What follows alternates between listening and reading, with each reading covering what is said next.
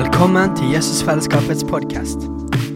Vi håper budskapet i dag vil velsigne deg i din vandring med Gud. Og om du vil ha mer informasjon om menigheten, kan du gå inn på jesusfellesskapet.no.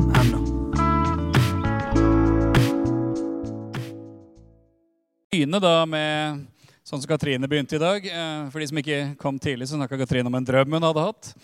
Eh, Det hender jeg har drømmer òg. Hvis denne er profetisk, da, da blir jeg dypt imponert. Eh, Denne tror jeg nok var en krysning av at jeg måtte på toalettet sånn midt på natten. Og eh, kom til den alderen. Ja, og litt forskjellige ting jeg hadde sett og hørt på nyhetene. For jeg drømte altså at jeg ser på en nyhetssending på TV hvor det blir annonsert at Donald Trump har trukket seg president, som presidentkandidat og har tenkt å bli direktør i Widerøe. Så hvis det skjer, da Ja. mhm. Halleluja. Jeg tror ikke det var en profetisk drøm, for å si det sånn, men jeg syns den var litt morsom. Jeg, jeg flira for meg sjøl når jeg våkna i dag morges. Ja, så drømte jeg det. hadde jo gjort seg, da. Det hadde blitt mye blest rundt videre med Donald Trump som direktør. Jeg må få lov å si det. altså. Ja, ja, ja, ja. Så han er herved kalt. nei da, nei da. I dag så skal vi begynne en eh, serie med undervisning som skal gå utover høsten. Eh, vi kommer til å ha mye besøk i høst òg. De som kommer på besøk, kommer ikke nødvendigvis til å forkynne i denne serien her, men de av oss som hører til her i huset, og som eh, forkynner, vi kommer til å gjøre det. Så det blir ikke sånn hver søndag. Det blir et par søndager, så blir det et opphold, så blir det litt sånn utover. Og i høst så skal vi rett og slett snakke om menigheten.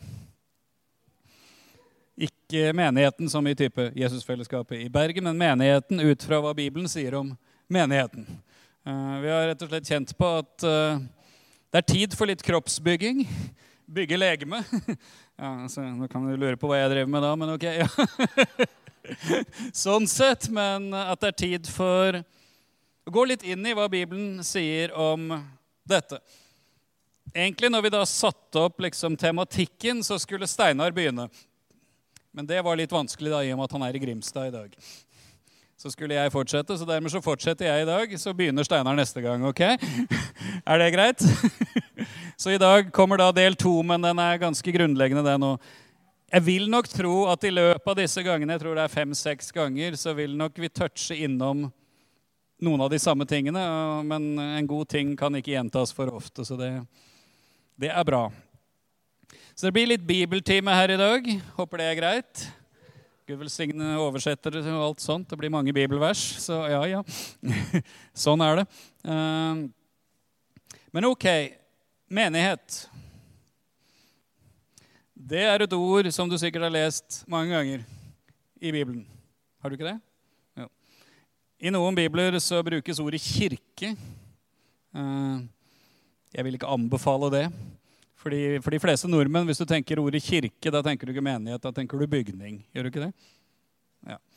Og jeg kan få lov med en gang å si det at uh, hver eneste gang ordet menighet, eller også noen ganger det er oversatt med kirke, i, den, i, i Bibelen nevnes, så er det aldri snakk om en fysisk bygning. Eh, en av de tingene jeg underviser i på Impact på bibelskolen, er kirkehistorie. Og de første bygninger bygd som hensikt at kristne mennesker kunne samle seg i, kom i en fredsperiode mellom år 260 og 300. Siste bok i Det nye testamentet ble skrevet rundt ca. år 100. Så da vet du at bygning er det ikke snakk om. Og Derfor liker jeg også å bruke ordet menighet, for de fleste tenker ikke da på bygning. Sier vi kirke, så begynner folk å tenke på et eller annet sånt spir og kors og klokker og alle mulige sånne ting. Men det er ikke det det er snakk om. Selv om vi, vi liker bygget vårt. altså Vi er glad i bygget, vi er glad i, vi er glad i kirken sånn sett, men det er ikke det vi skal snakke om nå. Første gang dette ordet brukes i Bibelen, i hvert fall det ordet som oversettes på norsk med menighet, da er vi langt tilbake i Det gamle testamentet i andre Mosebok, kapittel 12 og vers 3.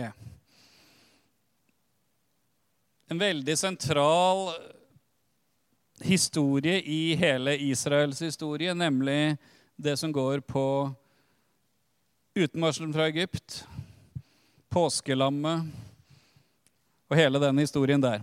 Og der bruker Gud ordet første gangen. Står der, tal til hele Israels menighet og si på den tiende dag i denne måneden skal med hver husfar ses ut et lam, et lam for hvert hus. Det er altså dette med påskelammet. Det er altså Gud som bruker uttrykket første gangen. Det som vi oversetter med menighet. Ordet der på hebraisk betyr ganske enkelt en forsamling.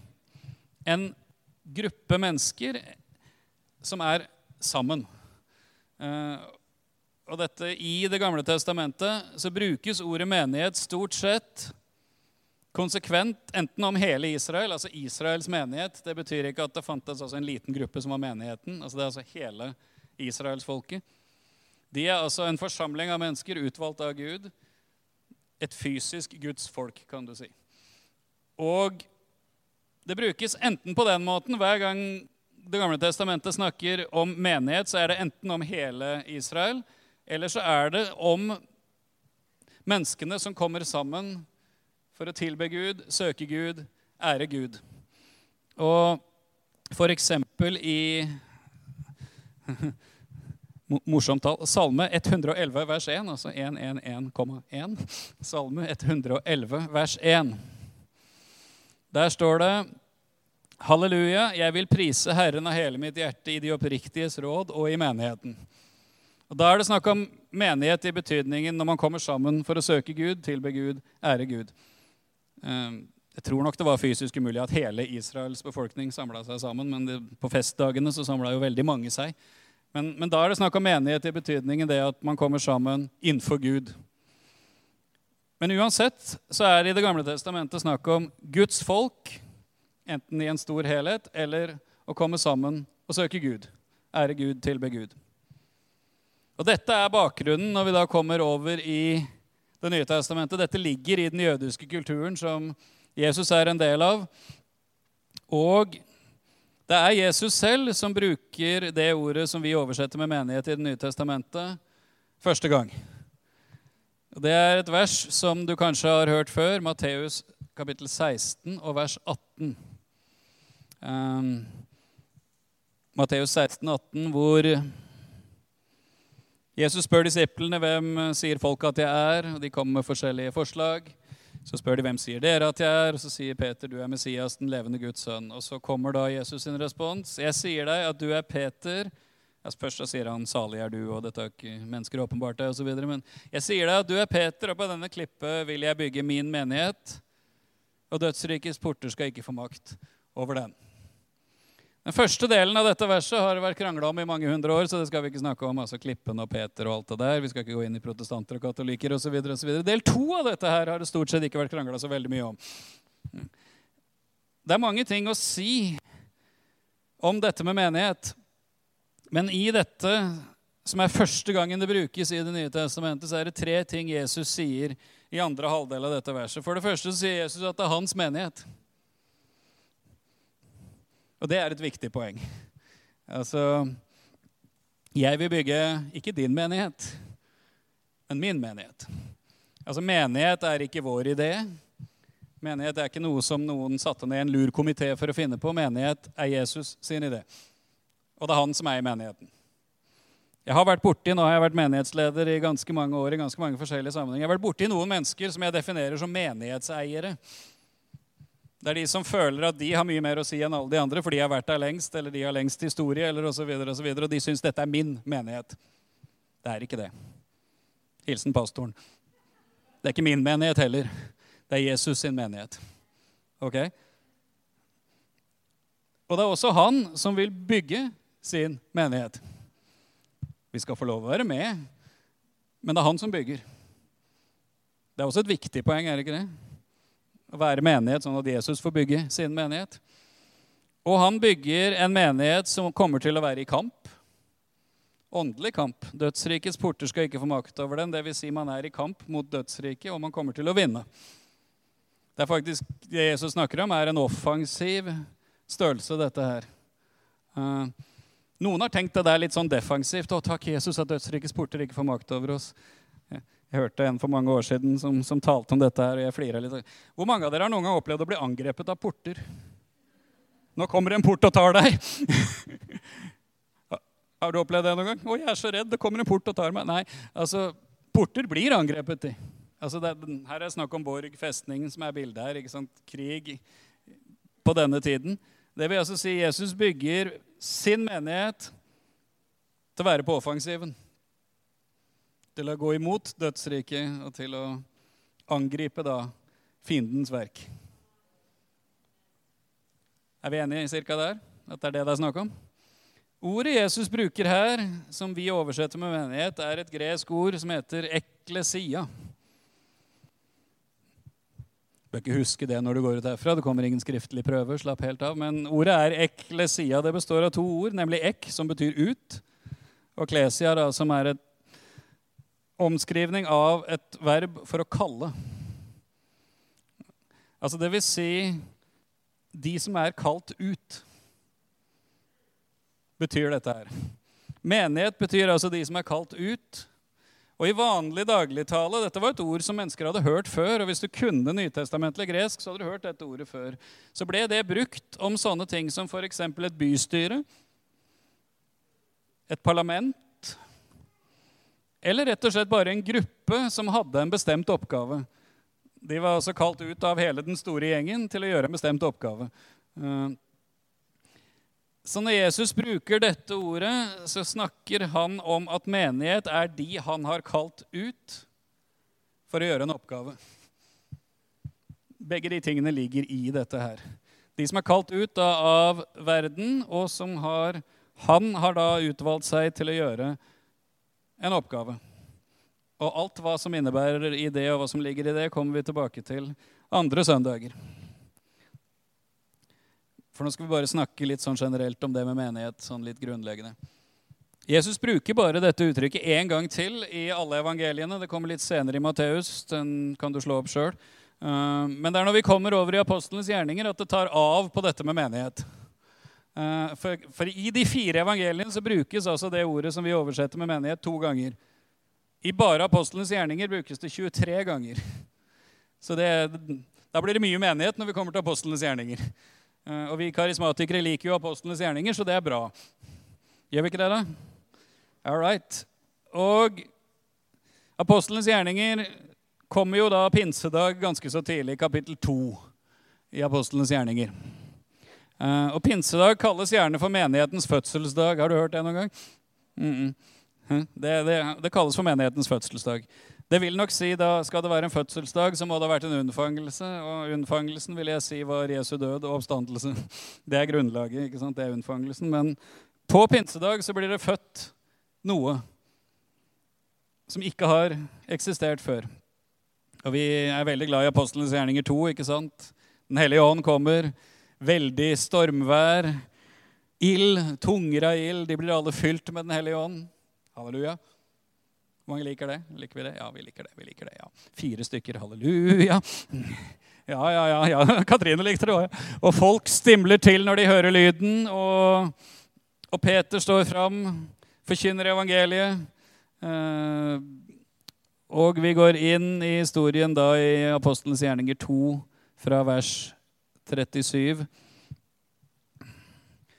Når Peter har forkynt, så står det men da de hørte dette, stakk det dem i hjertet, og de sa til Peter og de andre apostlene, hva skal vi gjøre, brødre?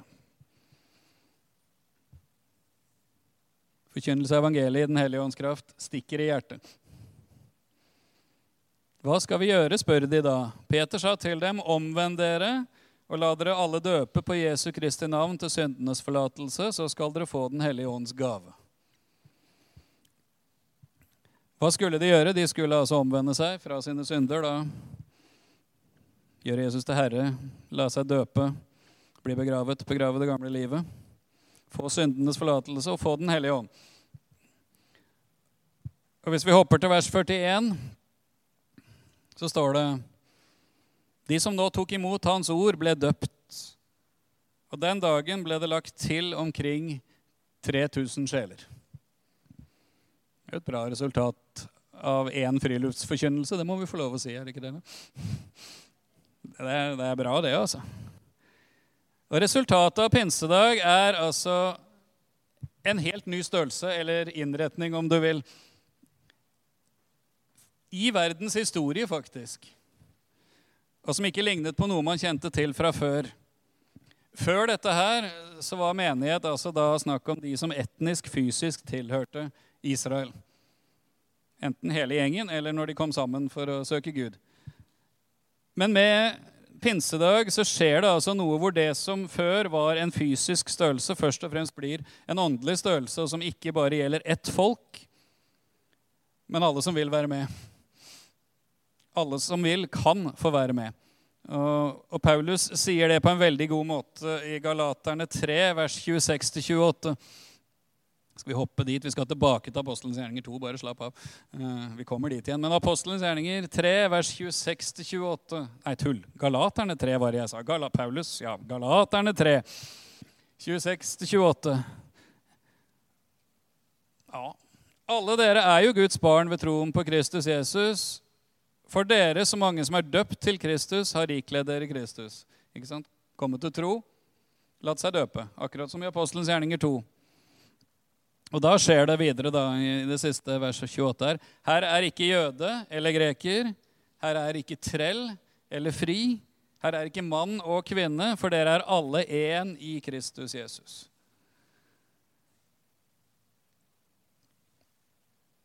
Det som blir skapt på pinsedag ved Den hellige ånd, er altså et fellesskap som går utover det etniske. Ikke jøder, ikke grekere, dvs. Si egentlig alle andre, da, verken jøder eller hedninger. Det går utover sosiale skillelinjer, trell eller fri, altså rik eller fattig osv. Det går til og med ut over kjønnsinndeling, altså ikke mann, ikke kvinne, men alle sammen er ett i Kristus. Det vil si alle gjennom troen på Jesus og bli døpt kan tilhøre dette fellesskapet som Gud har skapt ved Den hellige ånd. Alle. Det er jo en morsom liten detalj da, i Apostelens gjerning 241. Dette her er altså så nytt at det står at 3000 ble lagt til, men det står ikke hva de ble lagt til. Den dagen ble det lagt til 3000. Til hva? Ja, det er så nytt at ikke sant, dette er jo altså begynnelsen. Det kommer litt seinere. Men det er helt klart at selv om denne nye størrelsen ikke har fått navn riktig enda, da, så ble de lagt til noe. Eh, det er nemlig ikke sånn at de 3000 De hørte Paulus sine ord. De omvendte seg fra sine synder, bekjente at Jesus var Herre, ville følge Han, ble døpt i vann, ble døpt i Den hellige ånd, og så gikk de hjem hver til sitt. Og så gikk de på YouTube for å finne god undervisning og hørte på en podkast og stakk innom et møte hvis det kom en kjekk og salva predikant til byen sånn en gang hver tredje måned. Gjorde de det? Nei, de gjorde ikke det. De ble lagt til noe. Og En av de største løgnene djevelen og det moderne samfunnet har greid å selge oss i Norge den, og i den vestlige verden i det store og hele, er den greia her Tro er en privatsak. Hvor mange av dere har hørt det? Tro er en privatsak. Jo da, det er en personlig sak. For all del. Men personlig og privat er to forskjellige ting. Er det ikke det? Det er en personlig sak i betydningen Du må sjøl velge. Du må sjøl gjøre det som Paulus sa. ikke sant? Omvend dere, la dere døpe til syndens forlatelse osv. Du, må, du må selv ta de valgene og gjøre det. Men det er ikke en privatsak. det er ikke sånn, Du kan tro på hva du vil, men hold det for deg selv, og la ingen andre vite hva du driver med. Det er det moderne evangelium. Ja, men det, hvis, det, hvis, det, er rett for deg, så er det bra. Det, det er fint at du har funnet noe du kan tro på, stakkars lille vennen. ikke sant? Men ifølge Det nye testamentet så er dette veldig langt fra sannheten og virkeligheten i apostlenes gjerninger. Det er faktisk omtrent så langt vekk som du kan komme. Det er personlig, ja, men det er et personlig valg som får store og også tydelige ytre konsekvenser. Hvis du har gått fra død til liv, fra mørke til lys, så bør det merkes på et eller annet vis. bør det ikke det? Det bør det. Altså Hvis vi skal beskrive frelsen ifølge apostlenes gjerninger 2, så har den fire punkter. Omvendelse, dåp i vann, dåp i Den hellige ånd og lagt til menighet. De fire punktene. Ordet menighet nevnes ikke i vers 41, som jeg sa i Apostlenes gjerninger 2. Men så viser da de versene som kommer etterpå, vers 42-47, hva disse 3000 som kom til tro på pinsedag, pluss de 120 som var til stede på den øvre salen, drev med. Og Hvis vi ser på de neste versene etter at de ble lagt til, så er det jo ikke tvil om at dette her var ikke bare en privatsak. Altså. Hvis vi da går til Apostelens gjerninger 2, vers 42 og videre. De holdt urokkelig fast ved apostlenes lære og ved samfunnet, ved brødsbrytelsen og ved bønnene. Og det kom frykt over hver sjel, og mange under og tegn ble gjort ved apostlene. Alle de troende holdt sammen, og de hadde alt felles. De begynte å selge eiendeler og gods og delte ut til alle ettersom hver trengte det. Hver dag kom de trofast om ett sinn sammen i tempelet, og i hjemmene brøt de brødet og holdt måltid med fryd og hjertets oppriktighet. De lovet Gud og var velsett av hele folket, og Herren la hver dag dem som ble frelst, til menigheten. Der kom ordet, da. Menigheten. Det kom til slutt. Siste ordet i hele kapittelet, der kom menigheten i bestemt form. Og det er ikke så rart, for det var bare én menighet for, for øyeblikket. Men det høres ikke veldig privat ut, det her, gjør det det? Ingen var enig i det. Jo, det høres altså veldig privat ut, dette her. Nei, det gjør ikke det. Heretter i Det nye testamentet så brukes ordet menighet konsekvent om fellesskapet av de som tror på Jesus. Og Denne menigheten er altså den første, og den har altså disse kjennetegnene. Dette er altså Jesus sin menighet, som han bygger ved Den hellige ånd. og De har altså kjennetegnene at de holdt urokkelig fast ved apostlenes lære. De kunne ikke lære hva som helst i menigheten. Det var apostlenes lære. Samfunnet, altså fellesskapet med hverandre, det var nummer to. Brødsbrytelsen, altså nattvær, feiringen av Jesu døde oppstandelse på den måten, og bønnene. Det var liksom de fire kjennetegnene på menighet. Og fellesskap var faktisk nummer to. De holdt urokkelig fast ved bl.a. fellesskap. Og Resultatene av de tingene som de holdt fast ved, det ser vi jo da i de versene som kommer. Gudsfrykt, Tegn og under, omsorg for hverandre. De samles ofte, de spiste sammen. Glede, oppriktighet, lovprisning av Gud, favør, og nye blir lagt til. Dette er den menighet som Jesus bygger ved Den hellige ånd. Og Siste setningen her er jo vesentlig, da. Og Herren la hver dag dem som ble frelst, til menigheten. En kristen i Det nye testamentet ble lagt til menigheten. Og da sitter du sikkert og tenker ja, jo, ja. Ikke sant? Vi lever jo i et samfunn hvor de fleste mennesker tenker at tro er en privatsak. Og det fins jo mange menigheter.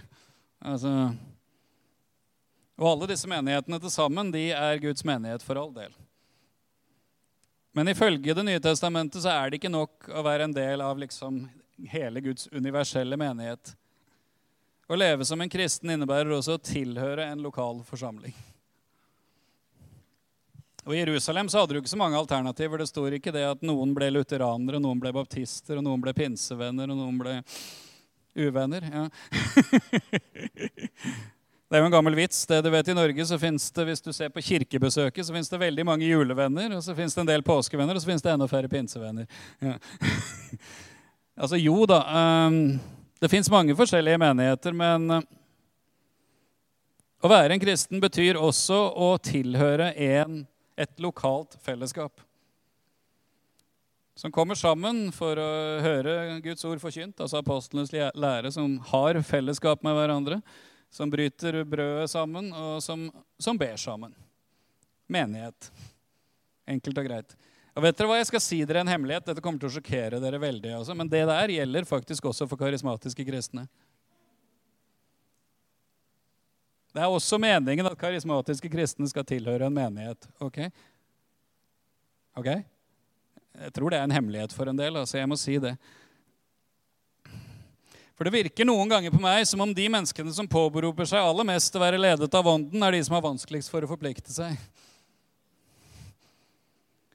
Da lurer jeg litt på hvilken ånd de er ledet av. Jeg, da, sånn sett.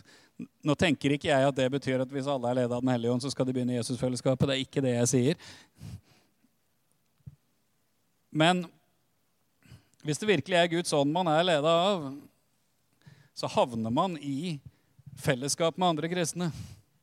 Det er en naturlig del av hva ånden ønsker å virke fram i et kristent menneske. At folk ikke går i menighet, kan ha mange årsaker. Man kan ha blitt såra, det kan være praktiske ting osv. For all del, jeg skjønner alle de tingene, men da trenger man å få deala med det, da, i så fall. Gjør man ikke det, da? Jeg vil påstå det. Men hvis ikke du tror meg, så skal vi da ta et annet vers. ikke sant? Altså, alle karismatikere liker å bli døpt det med at folk blir døpt i Den hellige ånd. Hvor mange liker det? Liker at folk blir døpt i Den hellige ånd. Halleluja! Jeg liker det veldig godt. ja, altså. Første Korinterbrev 12, vers 13. Første kor 12, vers 13. For med én ånd ble vi alle døpt til å være frittstående karismatikere som kommer på store konferanser og, og, og sånn. Nei, men én ånd ble vi alle døpt til å være ett legeme. Enten vi er jøder eller grekere, trellere eller fri, har vi alle fått én ånd å drikke. En del av dåpen i Den hellige ånd er faktisk at du blir døpt inn i Kristi legeme. Halleluja. Halleluja. Nå skal jeg gjøre noe fullstendig spontant her. Henrik. Kom, kom, kom. Ikke, ikke vær redd. Du dukka opp på et møte i Jesusfellesskapet sammen med Remi. Hm? Hvorfor det? Det var pga. Bruce inviterte oss. Men før det hadde det også skjedd noe annet? Ja, jeg møtte Jesus og Gud. Ja. Og da fikk du også tanker om Å døpe meg. på meg. Og at du trengte Dåp. Men også at du trengte fellesskap. Gjorde du ikke det? Jo da, det kom etter hvert, jo. Ja, det gjorde det. Det var det, var det som var hele poenget. Ja. Mhm. ja. Mange forskjellige ting, men en av de tingene som kom etter hvert, var vi trenger fellesskap. Det er en av de tingene som Den hellige ånd virker fram, er at vi trenger fellesskap. Og Sånn sett så er vår vestlige individualisme forholdsvis fremmed for Det nye testamentets verden. Altså. Det må jeg få lov å si. Vi er selvstendige individer, for all del. Ingen skal fortelle deg hva du skal gjøre, bortsett fra Jesus, da, for han er din herre. Så han må få lov å fortelle. Vi må ta selvstendige valg i livet, men hvis vi har valgt å følge Jesus, så er en av de tingene at det valget får konsekvenser og en av konsekvensene av å velge å følge Jesus er menighet. Å overgi seg til Jesus som frelser og herre betyr også at du blir en del av hans legeme. Gjør det ikke det, da? Vår gamle venn Reidar Paulsen, pastoren i Kristkirken, som var en åndelig far både for Steinar og meg, han snakka om det. Du vet, det funker ikke med sånn løsøre. Altså, hvis du er en del av legemet, så funker det ikke med et øre som ligger her borte. Han snakka også om men det funker ikke med løs mage heller. Altså, men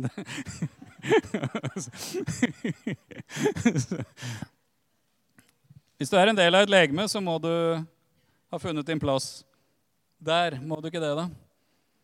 Og det er merkelig i Det nye testamentet. Jesus identifiserer seg veldig med sitt legeme. Faktisk mer enn kanskje vi er klar over, og mer enn kanskje vi gjør til tider også. Og hvor har jeg det fra? Apostelens gjerninger 9. Begynnelsen av apostelens gjerninger 9. Her snakkes det om forfølgelse. Det snakkes om Saulus, som senere blir Paulus, og at han forfulgte menigheten. Og da står det fra vers 1.: Saulus snyste en av trusler og mord mot Herrens disipler. Han gikk til ypperstepresten og ba ham om å få med et brev til Damaskus, til synagogene der, for at han, om han fant noen som hørte veien til Det var et av de første navnene på de kristne. Enten det var menn eller kvinner, kunne han føre dem i lenker til Jerusalem. Dette var Paulus sin plan. Han skulle finne mennesker som fulgte Jesus, og han skulle arrestere dem. Da han nå var underveis og nærmet seg Damaskus, strålte plutselig et lys fra himmelen om ham. Han falt til jorden, og han hørte en røst som sa til ham, 'Saul, Saul, hvorfor forfølger du meg?' Han sa, 'Hvem er du, Herre?' Og han svarte, 'Jeg er Jesus, han som du forfølger.' Sa Jesus selv til han som ble Paulus. Saulus trodde han forfulgte disipler av Jesus, som han var uenig med, og som han ville fengsle. Men Jesus sier, 'Hvorfor forfølger du meg?' Forfølger man Jesu legeme, så forfølger man Jesus selv. Sier Jesus. Så tydelig og sterkt identifiserer Jesus seg med sitt legeme. Så sterk er relasjonen mellom Jesus og hans menighet. Legeme er altså kropp. Et sånn fint bibelsk ord. Og hvis du skal ha en sunn og frisk kropp, så er det en fordel å ha to ben, er det ikke det? Da, da kan vi stå noenlunde støtt. Vi kan gå. Noen kan til og med løpe, det gjør ikke jeg så ofte, men eh, man kan gjøre sånne ting hvis man har to ben. Og jeg tenker litt sånn enkelt at for en kristen så er de to benene den personlige relasjonen til Jesus og etterfølgelsen av han og menighet. Hvis du har begge deler, så kan du stå støtt. Hvis du bare har den ene, så kan du klare deg ganske bra, men det vil ikke i lengden funke. Jeg leste en historie for mange år siden. Jeg vet ikke om den er sann engang, men poenget syns jeg er veldig illustrerende. Jeg var i England en gang uh, i gamle dager. Altså hvor gamle vet jeg ikke, men det var Så var det en pastor i en uh, lokal menighet i en liten by eller landsby som hadde oppdaga at det var en mann i menigheten som hadde slutta å, å komme når menigheten kom sammen. Det var vinter, og det var, det var kaldt ute, og greier, så han, han, går på besøk til denne mannen en, en, en kveld banker på. Og jo, han får komme inn. og Det er fyr på peisen. Man fyrte jo med kull i den tida. Så litt sånn, sånn kullvarme da på peisen. ikke sant? Og de setter seg da i hver sin stol foran peisen. og Ja, åssen går det med deg, sier pastoren. Og jeg hører at du Jeg legger merke til at du er, du er ikke så ofte å se i menigheten lenger. og sånn. Og Da putta pastoren på mer enn en krone. Han putta på en tier på denne mannen. her. Han, han, kom med alt som var galt med menighet, alt, hvor forferdelig alle menneskene var. Og Han kunne da like gjerne sitte hjemme og ha relasjonen sin med Gud og be og lese Bibelen og lese andagsbøker og høre på podkaster og se på YouTube-videoer. Det sa han vel ikke, da, siden dette var i gamle dager. Men osv. osv. Og, og han lira av seg. Han holdt på lenge. Pastoren bare satt der stille og rolig og hørte på han. Og mens mannen snakker, så tar pastoren ildtangen ved siden av peisen. Så tar han den, og så tar han en av disse glødende kullbitene som ligger i peisen, og så legger han bort på peis, bort ute på sida liksom, av peisen, ut, ute på kanten, liksom som kant av det der. Og mens mannen lirer av seg alt dette her med hvorfor han ikke trenger å gå i menighet, så ser, sitter, så ser de begge to på denne kullbiten, som var rødglødende, som etter hvert slutter å gløde. Og slukker. Og blir kald. Og midt i alt han lirer av seg, så ser mannen på dette her. Han ser på ilden som gløder, han ser på kullbiten, og så ser han på pastoren og så sier han, 'Jeg skjønner hva du mener. Vi ses på søndag'.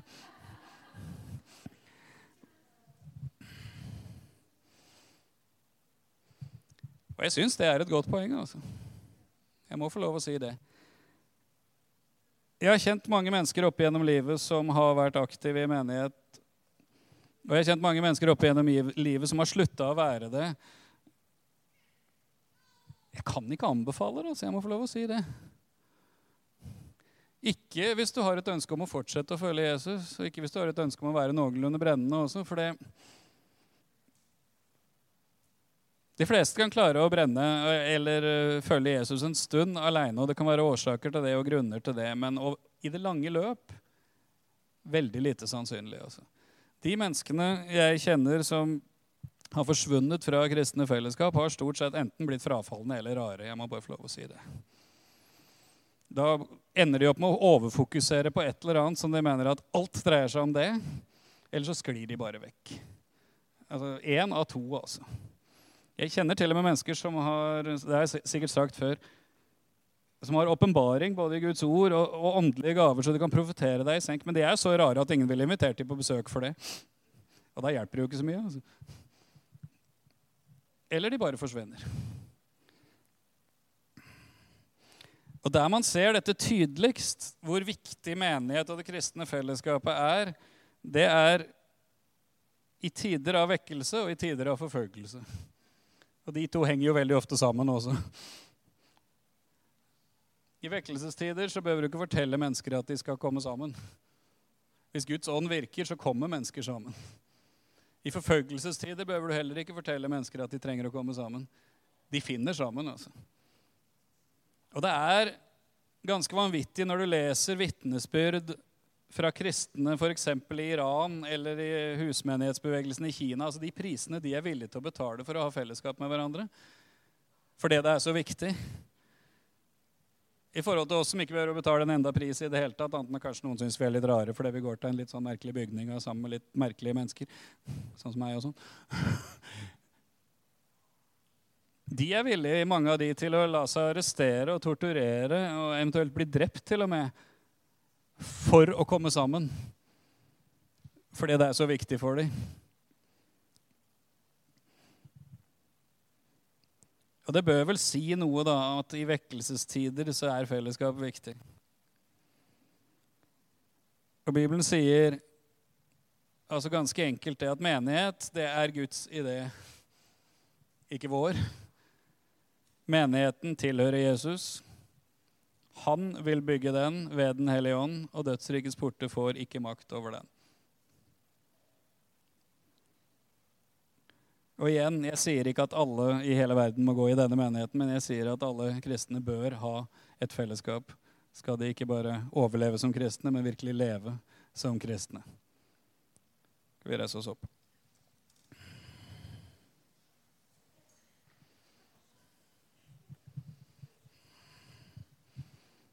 Skal vi be sammen?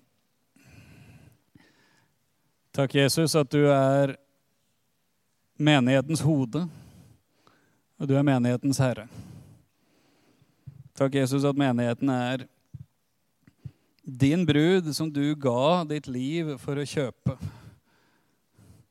Takk, Jesus, at du er den som har gitt oss Den hellige ånd.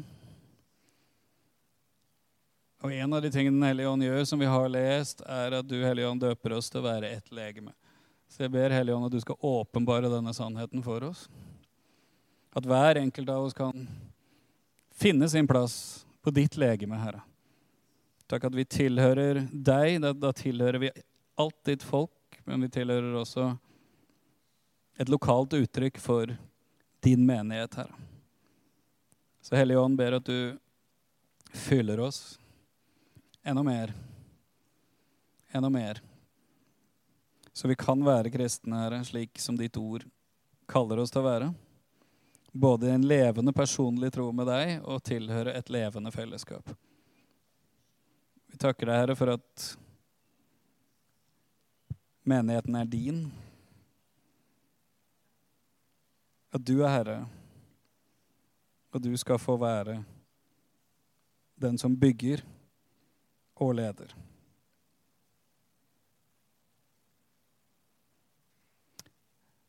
Amen.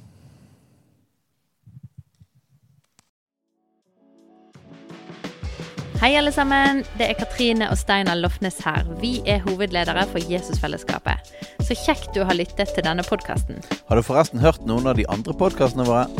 Ukens tale, Disippelskolen, Hyrdepodden, Kulturkrigen og Mammas hjerte. Du finner disse podkastene på Spotify, Apple Podkaster og på nettsiden vår jesusfellesskapet.no.